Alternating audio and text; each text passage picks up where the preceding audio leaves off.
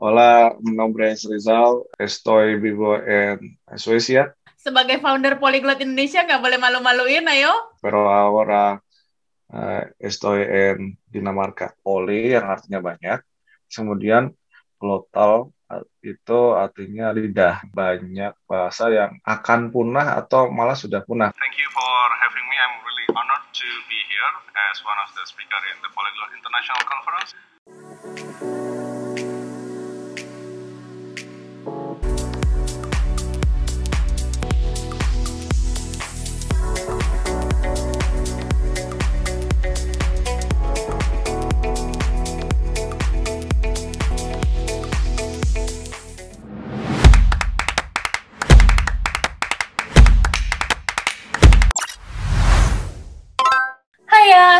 Assalamualaikum teman-teman semuanya. Balik lagi bareng saya Nelma Daan. Teman-teman, saat ini kita tahu ya, menguasai bahasa asing itu sudah merupakan keharusan.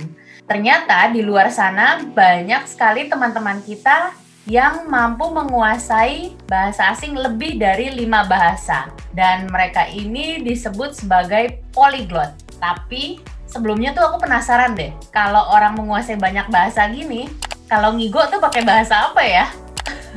Langsung aja aku ajak teman-teman semua untuk ngobrol bareng founder dari Polyglot Indonesia, Mas Aradin Nur Rizal. Halo Mas Rizal. Halo, Manulma, apa kabar? Baik. Mas Rizal, thank you loh. Boleh aku gangguin waktunya untuk ngobrol-ngobrol sama aku dan teman-teman di sini. Ya, terima kasih juga udah mau mengundang.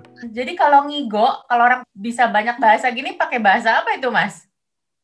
Nah, kalau ngigo aku kurang tahu nih, kan harusnya yang tahu orang yang dengerin kan. Cuman biasanya eh, kita bisa mimpi dalam bahasa tertentu sih. Kalau misalnya kalau kita belajar suatu bahasa, kadang-kadang mimpinya kita bisa eh, bilang kita bisa udah oke dal- eh, mempelajari bahasa tersebut. eh, kalau kita sudah mimpi pakai bahasa tersebut. Mas lo pernah mimpi pakai bahasa Inggris nggak, Pak? Nggak tahu gue. Mungkin ya, nggak pernah nanyain Ya. juga soalnya. Soalnya aku pernah mimpi dalam bahasa Spanyol dan bahasa Jerman juga. waktu itu. Mas Rizal berapa bahasa ya? Kalau ditanya bisa berapa, bahasa, biasanya jawabnya pernah belajar berapa bahasa sih. Karena bisa kan subjektif ya. Karena buat orang, eh, aku bisa bilang, aku bisa bahasa A, buat orang tersebut, oh ternyata itu masih belum bisa dianggap bisa. Dan juga bisa dibilang bahwa aku nggak bisa bahasa tertentu, tapi orang lain bilang, oh saya udah bisa bahasa itu. Berapa bahasa Mas yang sudah pelajari jadinya? Aku pernah belajar sek- sekitar 8 atau 9 bahasa sih. Apa aja tuh Mas? Bahasa ibu tuh bahasa Jawa. Di sekolahan belajar bahasa Indonesia. Lalu belajar bahasa Inggris. Sempat ke Argentina belajar bahasa Spanyol dan bahasa Portugis. Lalu kul sempat di Jerman belajar bahasa Jerman. Pindah ke Swedia, itu belajar bahasa Swedia dan sempat belajar bahasa Itali. Lalu sempat belajar bahasa Jepang. Nah, sekarang sedang mencoba mengerti bahasa Denmark. Itu mungkin 10 ya kalau di total ya. Benar-benar benar luar biasa loh itu. Itu tapi belajar eh, otodidak atau memang ikut kursus gitu Mas? Kalau yang bahasa Jerman dan bahasa Inggris itu kursus, kalau yang bahasa yang lain itu otodidak. Cuman juga itu eh, levelnya juga beda-beda. Kayak bahasa Jepang itu dulu belajar karena waktu itu mau ke Jepang dan dulu banyak teman orang Jepang, jadi lumayan. Kalau saya dibilang apakah bahasa Jepangnya fluent, ya enggak juga gitu. Hmm. Kayak eh, aku juga baru bisa ngomong bahasa Jepang gitu. Baca tulisnya juga belum bisa.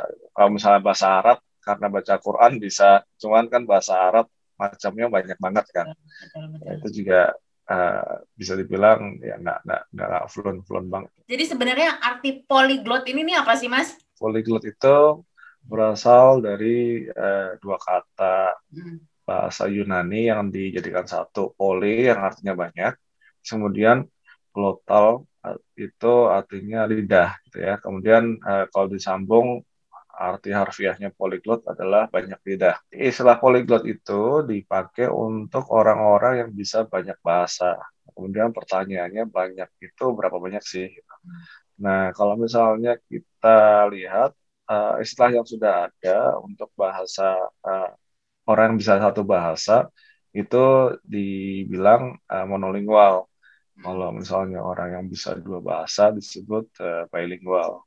Kalau orang bisa tiga bahasa trilingual. Nah, jadi poligoni polyglot itu dipakai untuk uh, istilah orang-orang yang uh, bisa lebih dari tiga bahasa. Kemudian ada juga istilah namanya hyperpolyglot itu hitungannya enam. Nah ini bahasa asing tuh uh, bahasa Indonesia kan kita punya banyak macam ya mas tiap daerah. Dihitung nggak? Dihitung kan bahasa juga. Oh gitu. Yeah. Jadi let's say Indonesia punya um, 32 provinsi bisa semua paham gitu dan uh, fluent itu bisa dihitung jadi ini juga dong menguasai 32 Polyglot. Oh ya. Ya, ya. Kan karena kayak contohnya bahasa Sunda sama bahasa Jawa kan sebenarnya lebih jauh daripada bahasa Italia dan Spanyol. Betul. Bahasa Spanyol dan Italia kan sangat-sangat mirip. Dalam arti bisa disebut malah sebut dialek karena sebenarnya orang mengerti bahasa Spanyol bakal mengerti juga bahasa Italia dan begitu juga sebaliknya. Bahasa Sunda dan bahasa Jawa itu kan alfabetnya aja udah beda gitu. Sementara di Indonesia sendiri itu ada lebih dari kayak 700 bahasa gitu. Jadi sebenarnya eh, Indonesia lumayan kaya sih. Hanya sayangnya banyak eh, penutur-penutur bahasa tersebut yang sudah tidak eh, bercakap-cakap lagi atau eh, menggunakan bahasa tersebut. Jadi banyak bahasa yang akan punah atau malah sudah punah kan tidak ada penuturnya lagi. Itu yang kami di Poli Indonesia dan bekerja sama dengan Wikitong sedang berusaha untuk asipkan semua bahasa Indonesia dalam bentuk video, uh, audio, tulisan juga. Jadi orang Indonesia yang tergabung di komunitas ini banyak ya, Mas? Member di Facebook group tuh ada sekitar 21 ribu lebih oh, lah. Iya. Wow. Kalau di tiap meetup hmm. biasanya yang datang antara 60 sampai 80 sampai 100 juga sempat di beda-beda kota. Jadi kita ada meet dulu sebelum pandemi kita ada meetup on meetup offline di mana kita bisa belajar bahasa yang kita bisa tanpa ada uh, apa intimidasi gitu. Jadi kita menyediakan semacam safe space untuk berlatih bahasa yang kita bisa atau sedang kita pelajari. Nah di situ juga ada koordinator bahasa yang akan mengencourage kita untuk menyemangati kita untuk uh, menggunakan bahasa tersebut gitu. Karena kan kadang-kadang kalau kita bilang kita bisa bahasa tertentu, ekspektasinya kita bisa berkomunikasi eh, dan bercakap-cakap dalam bahasa tersebut kan tidak hanya bisa mengerjakan soal gitu. kalau nilai, nilai TOEFL saya misalnya tinggi tapi nggak bisa bercakap-cakap tidak berkomunikasi kan belum tentu bisa dianggap sebagai bisa berbahasa bahasa tersebut kan jadi yang kita lakukan adalah kita menyediakan tempat seperti yang bilang uh, supaya orang bisa berlatih bahasa tersebut nanti kalau misalnya teman-teman senang belajar bahasa yang lain, contohnya kayak bahasa Jerman dan Spanyol, bisa setengah jam di meja Spanyol, terus pindah setengah jam kemudian di meja bahasa Jerman. Kalau saya pribadi, bahasa saya anggap sebagai alat untuk berkomunikasi, jadinya prioritas pertama bagaimana saya bisa menyampaikan pesan yang saya mau ke orang lain gitu aja sih. Kalau aku bahasa asing cuma bisa bahasa Inggris, jadi ketika orang asing ngomong sama aku pakai bahasa Inggris, aku akan mentranslate-nya dulu ke bahasa Indonesia, baru aku menyampaikan lagi pakai bahasa Inggris gitu, Mas. Ini kalau banyak bahasa gimana ya? Aku nggak nggak aku nggak translate sih, aku nggak switch bahasa sih lebih hmm. tepatnya. Hmm. Cuman uh, untuk switch bahasa untuk ganti uh, ke bahasa lain memang aku tidak pakai sehari-hari memang agak susah.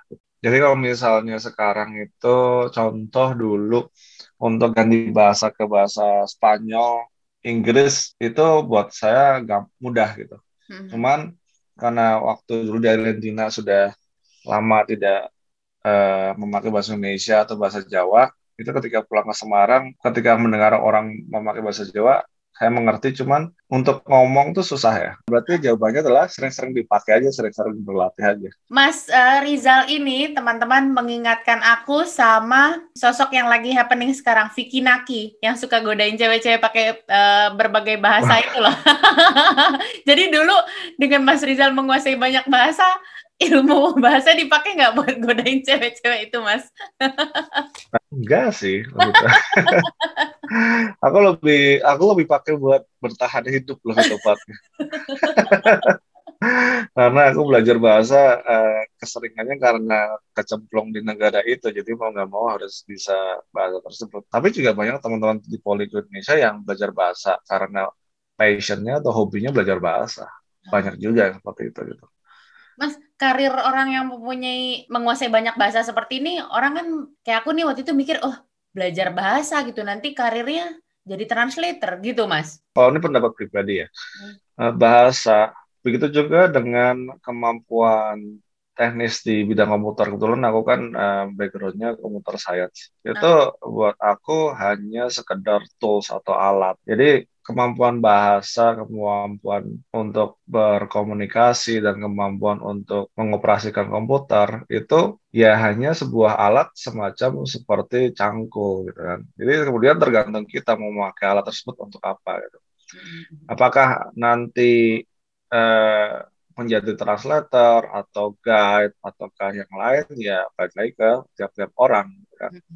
Nah karena itu aku saranin ke teman-teman sih eh, selain bisa bahasa harus ada juga bisa hal yang lain. Jangan sampai kita hanya punya satu tools. Mungkin kita udah belajar uh, marketing dan kemudian kita belajar bahasa juga itu kan nilai plus. Atau kita belajar bahasa dan kita belajar misalnya uh, bidang lain gitu. Hmm. Itu juga suatu nilai tambah yang hmm. merasa bisa jadi uh, pembeda antara teman-teman dengan orang-orang yang lain. Ya bahasa itu hanya suatu alat menurutku dan alat tersebut bisa kita pakai untuk memajukan harkat martabat kita dan juga bisa untuk menginspirasi orang lain. Betul, setuju banget memang. Sekarang kan pilihan karir juga sudah banyak, apalagi kalau kita punya skill lain gitu ya, Mas.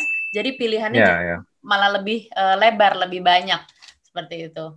Mas Rizal, yang paling susah Mas Rizal pelajari ini bahasa apa? Kalau dari tata bahasa itu bahasa Jerman, kalau dari alfabet itu bahasa Jepang karena harus belajar eh, simbol-simbol uh, yang beda ya. Mas Rizal, aku punya challenge. Mas Rizal sebutin ini pakai bahasa apa yang paling Mas Rizal kuasain apa bahasanya? Bahasa Inggris. Enggak, jangan. Pakai bahasa belum, Spanyol. Belum tentu bisa loh. Pakai bahasa ya? Spanyol, pakai bahasa Spanyol. Ya. Mas bener apa enggak? Oh, Cuma lo yang tahu loh, Mas. ayo, ayo, sebagai founder Polyglot Indonesia nggak boleh malu-maluin, ayo. Ocho, seis, nueve, uno, cuatro, siete. itu dia mbak kalau misalnya nggak jarang dipakai kayak bahasa Jerman dan bahasa Spanyol kan sudah jarang dipakai hmm. itu uh, untuk untuk hal-hal yang sering jarang dipakai jadi susah itu ngomongnya gitu. Jadi lima bahasa yang paling dikuasai apa nih? Oh, tadi bahasa Jawa, bahasa Indonesia, mm-hmm. bahasa Inggris, mm. ya mungkin Spanyol dan Swedia kali. Spanyol dan Swedia. Oke, okay. kalau gitu challenge aku Mas Riza, siap ya? oh, nggak ngerti juga aku. Nggak gampang kok nyanyiin lagu balonku adalah aduh nggak bisa nggak bisa nggak bisa nggak bisa. Aku bahasa Indonesia-nya aja nggak bisa kalau itu itu salah satu apa salah satu hal yang aku nggak bisa adalah musikality dan menyanyi. Itu nggak bisa. Itu bagiannya Gina itu Aduh, ya, ya sudah. Kalau gitu gini mas, perkenalan aja boleh nggak? Pakai bahasa, pakai Inggris, Swedia, mas Spanyol mas? Bahasa Spanyol. Hola, mi nombre es Rizal, estoy vivo en Suecia, eh, pero ahora eh, estoy en Dinamarca. Halo, nama saya Rizal. Uh, saya tinggal di Swedia, tapi saya sekarang ada di Denmark. Denmark itu bahasa Spanyolnya Dinamarca. Kalau misalnya bahasa Spanyolnya uh, Swedia tuh Swedia. Uh, hey, uh, halonya bahasa Swedia tuh hey. Uh, hey, uh, mitt namn är Rizal. Jag har bott i Sverige i tio år. Hey itu uh, halo, mitt namn nama saya R Rizal is Rizal. Uh, jag har bott i Sverige. Jag har I have been living in Sweden for 10 years. Yes. I, I Tio Or. Mas Rizal, terakhir nih, tips buat teman-teman yang mau belajar banyak bahasa juga. Gimana, Mas? Belajar satu dulu. sampai bisa berkomunikasi baru belajar yang lain. Balik lagi sih tujuannya belajar bahasa apa? Apakah karena memang ada tujuan fungsional sebagai utilitas sebagai alat ataukah hanya sekedar pengen bisa pengen jalan-jalan. Jadi kita lihat juga tujuannya apa untuk bahasa apakah pengen supaya kita bisa jalan-jalan apakah bisa belajar ataukah bisa ngobrol dengan natif uh, di sana ataukah apa gitu. Hmm. kalau kita tahu tujuan kita belajar bahasa lebih mudah mengejarnya. Baiknya mulainya jadi dari bahasa apa dong? Yang kita perlukan saja. Palingnya bahasa Inggris bisa sih kalau bahasa Inggris bisa udah lumayan bagus untuk segala sesuatu ya. Karena rata-rata kalau ada ilmu baru biasanya muncul di jurnal yang memakai bahasa Inggris. Berita-berita terbaru atau info-info terbaru juga biasanya uh, pertama kali dikeluarkan uh, pakai bahasa Inggris. Ataupun jika misalnya mereka dikeluarkan informasi tersebut dipublish, uh, dipublikasikan memakai bahasa Prancis atau bahasa Jerman, biasanya ada terjemahannya dalam bahasa Inggris duluan. Oke, Mas Rizal terima kasih banyak. Ini sharingnya bermanfaat banget. Mas Rizal sehat-sehat, sukses terus ya. Um, terima kasih. Ditunggu lagi uh, penguasaan bahasa-bahasa berikutnya. Nanti kita ngobrol-ngobrol lagi ya Mas ya. Siap, siap, siap, siap. Mesti latihan-latihan lagi nih. Betul. Susah nih kalau misalnya langsung ditembak.